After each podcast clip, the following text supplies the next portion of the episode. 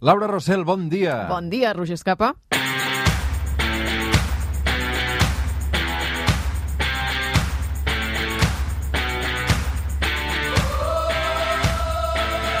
Laura, com anem? Doncs molt bé. Uh, s'acaba el mes, s'acaba Sí. els diumenges de, de setembre, eh? Sí, Però- de setembre i arriben els d'octubre, que ja veurem. Em avancem molt ràpid amb aquest abecedari perquè, escolta'm, um, arribem a la lletra S ja, eh? Sí, una lletra tan sinuosa com les sorpreses que hi amaga. D'entrada, aquesta. Lo primero que aprendes es que las reglas no se cuestionan, se acatan. Así, de pequeña, aprendes que las guarras no se depilan. Luego aprendes a perrear con canciones que te dicen que ni depilándote eres una guarra. Después aprendes a ser princesa, pero no hay princesa sin príncipe, igual que no hay sexo sin la venerada corrida. La suya, claro. Això és aprendre el vídeo del Saló Eròtic de Barcelona d'aquest any, una reflexió d'impacte, podríem dir, sobre l'educació sexual, sobre la llibertat de cadascú, un anunci que torna a ser viral, signat un cop més per Carles Valdés. Talk with a mouthful. Uh-huh. Avui amb la S per arrencar de Saló, Saló Eròtic de Barcelona, i amb la Laura ho comentàvem i dèiem, escolta'm, um, aquests vídeos, aquests spots del Saló Eròtic dels últims anys estan causant una sensació, un impacte uh, sensacional. Per què no busquem qui hi ha al darrere i el convidem un dia? Carles Valdés, què tal? Bon dia. Hola, bon dia. Bon tu ets el dia. responsable d'aquests uh, vídeos que, que aquests últims anys uh, gairebé arriben uh, per totes bandes, eh? Sí, jo i molta gent que hi ha darrere, perquè això no es fa sol, evidentment. Qui és el Carles? A veure, qui és el Carles Laura? El Carles, bé, uh, ara en parlàvem, és, és enginyer informàtic, Mm. uh, o ho va ser en el seu moment. Uh, ara és creatiu, no? Mm. Bueno, ara sóc creatiu i realitzador. I realitzador, sí, sí. també. És, uh, ell va fundar la productora Vimema i des d'allà han sortit alguns dels anuncis més revolucionaris dels últims anys. No només al voltant del saló eròtics, Mm. sinó uh, d'altres, uh, amb, amb altres motius, eh? com per exemple Casa Nostra, Casa Vostra, etc. Um, De fet, del Saló també recordo aquell uh, que era Pàtria, crec que es deia, amb la la- Marna Miller, Marna no? Miller, sí, senyor. que feia com un recull de, de totes les mancances que tenia aquest estat, sobretot era l'època de la corrupció, no sé si va coincidir amb la Gürtel o... Mm. Sí, bueno. Era l'església, la corrupció... Una crítica la... a, la, a la doble moral de, del país. Per molts va suposar-nos descobrir qui era Marna Miller. Correcte, Marna Miller, que la vam entrevistar l'any passat al suplement, també molt, molt interessant. Es pot recuperar aquesta entrevista a catradio.cat barra el suplement. Escolta, i aquest any el eh, missatge de, de l'anunci és que cal desaprendre per recuperar la llibertat. Però això és molt difícil, Carles. Què vol dir això? Sí, és complex, era un missatge que i, jo em sento molt orgullós d'haver tirat cap aquí perquè era molt arriscat i funciona molt bé. És un, és un missatge que té diferents capes i el que, i el que volem explicar és que tots nosaltres, quan debatim, quan pensem, quan prenem decisions, ho fem amb una motxilla carregada, no? amb una motxilla que s'ha anat carregant amb el pas dels anys i aquesta motxilla a vegades va bé treure-se-la per prendre decisions d'una forma més lliure.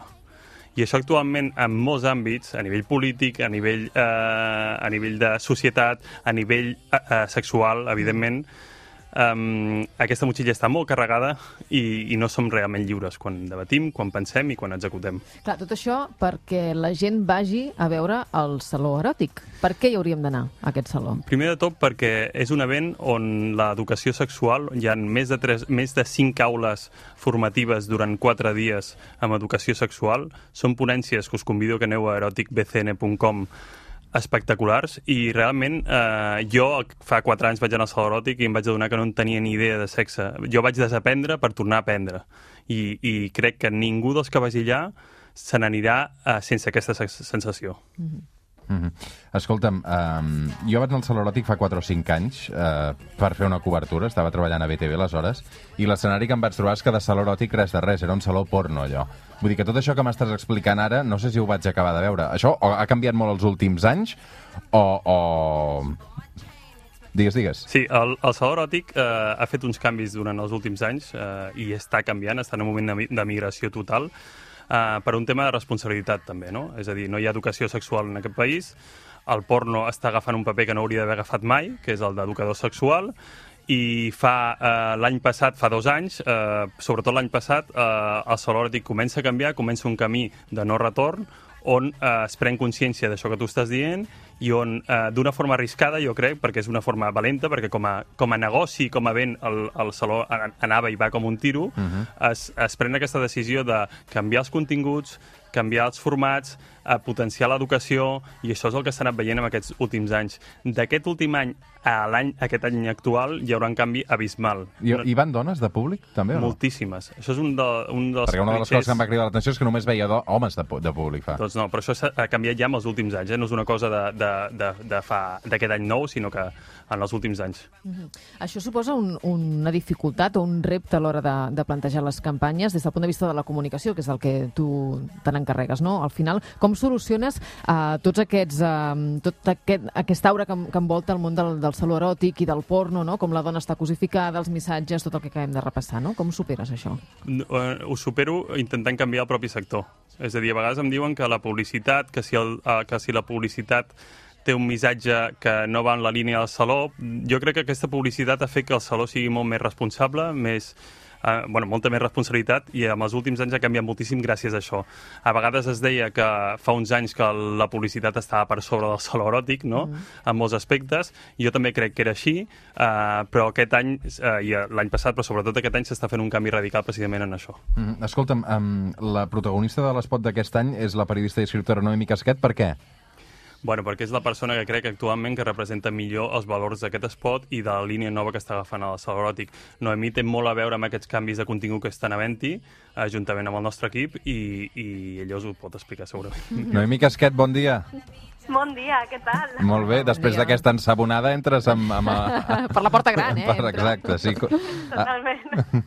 Escolta'm, com va anar aquest rodatge? Amb, amb, ara ho comentàvem amb el Carles.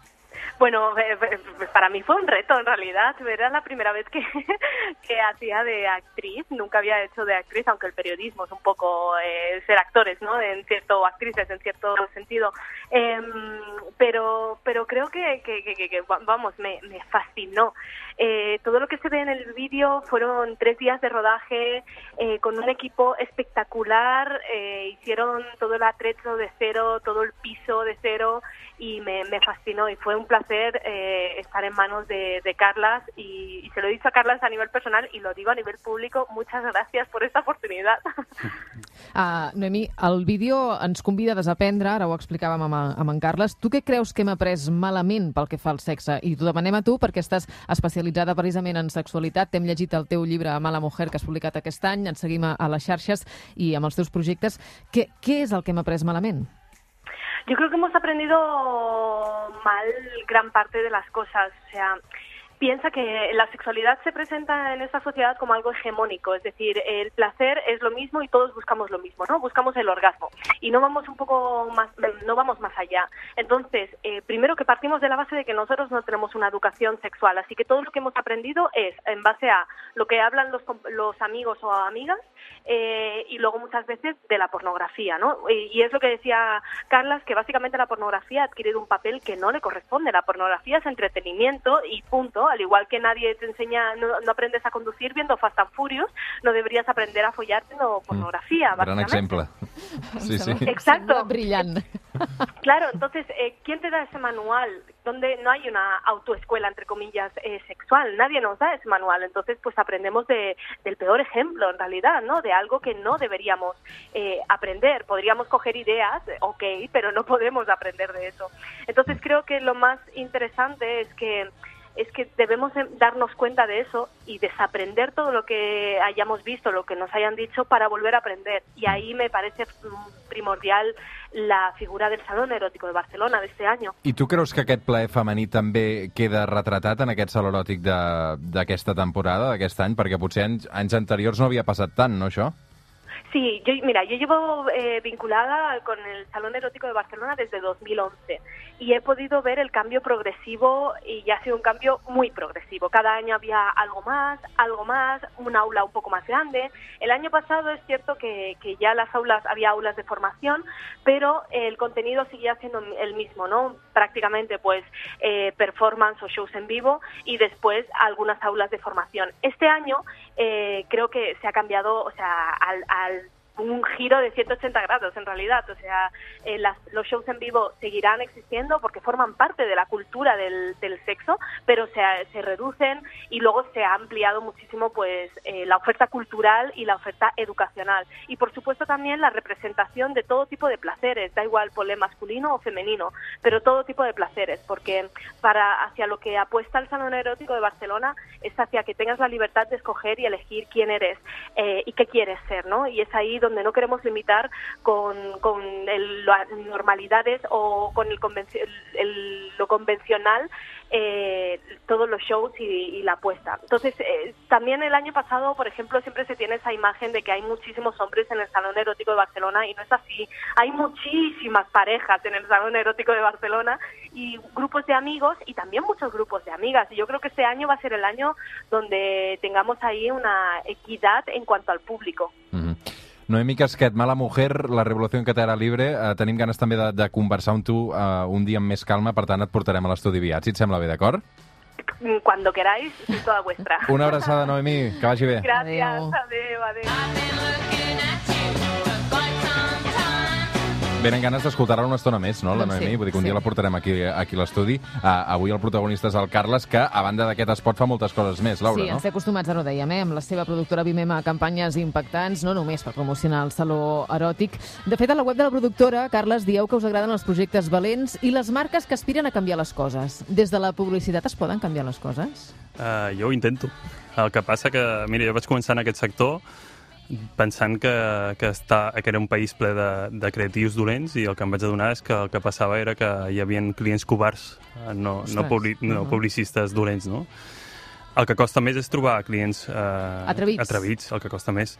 Jo crec que tots, a mi com a publicista i com a realitzador, crec que tots tenim una responsabilitat en la nostra feina, eh, tu també, Roger, tu també, Laura, en, en intentar construir un món millor. I, i, si, i, i no sóc hipòcrita, sé que la publicitat el seu objectiu és vendre, però si puc enviar un missatge i si puc transmetre alguna en el que hi crec, doncs em sento 200% més convençut. Escolta'm, amb què estàs treballant ara, que es pugui explicar? Doncs mira, ara, El que es pugui publicitar, no? ara estic amb, amb la... Uh, acabo d'acabar el guió d'un llargmetratge, O sigui, d'una pel·lícula. d'una pel·lícula. Ostres, t'estrenes? Sí, en el sí, sí. este- cinema. eh, M'estreno al món del cinema, òpera prima, i amb el José Ildefonso, eh, amb una pel·lícula que es diu El Sobre, i bueno, va, de- va d'una història molt, molt xula, un thriller psicològic que, que tinc moltíssimes ganes de rodar i que eh, crec que el 2020 pues, eh, ho podrem, podrem tirar endavant. Promet, eh? Carles Valdés al capdavant d'una pel·lícula. Carles Valdés, moltes gràcies i molta sort. Moltíssimes Però gràcies. no marxis perquè la Laura encara té més propostes. Come home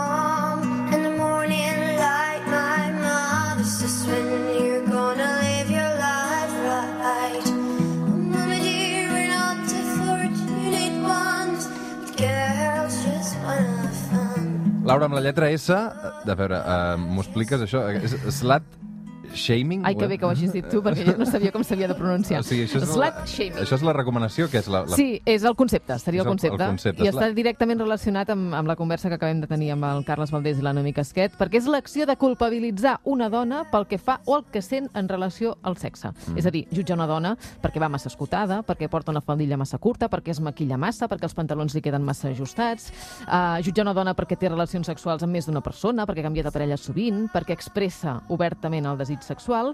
Bé, això és l'slut uh, shaming. Uh, L'origen són la, aquella idea, aquell concepte que les dones han de ser sexualment passives, perquè si no, són unes fresques. Mm.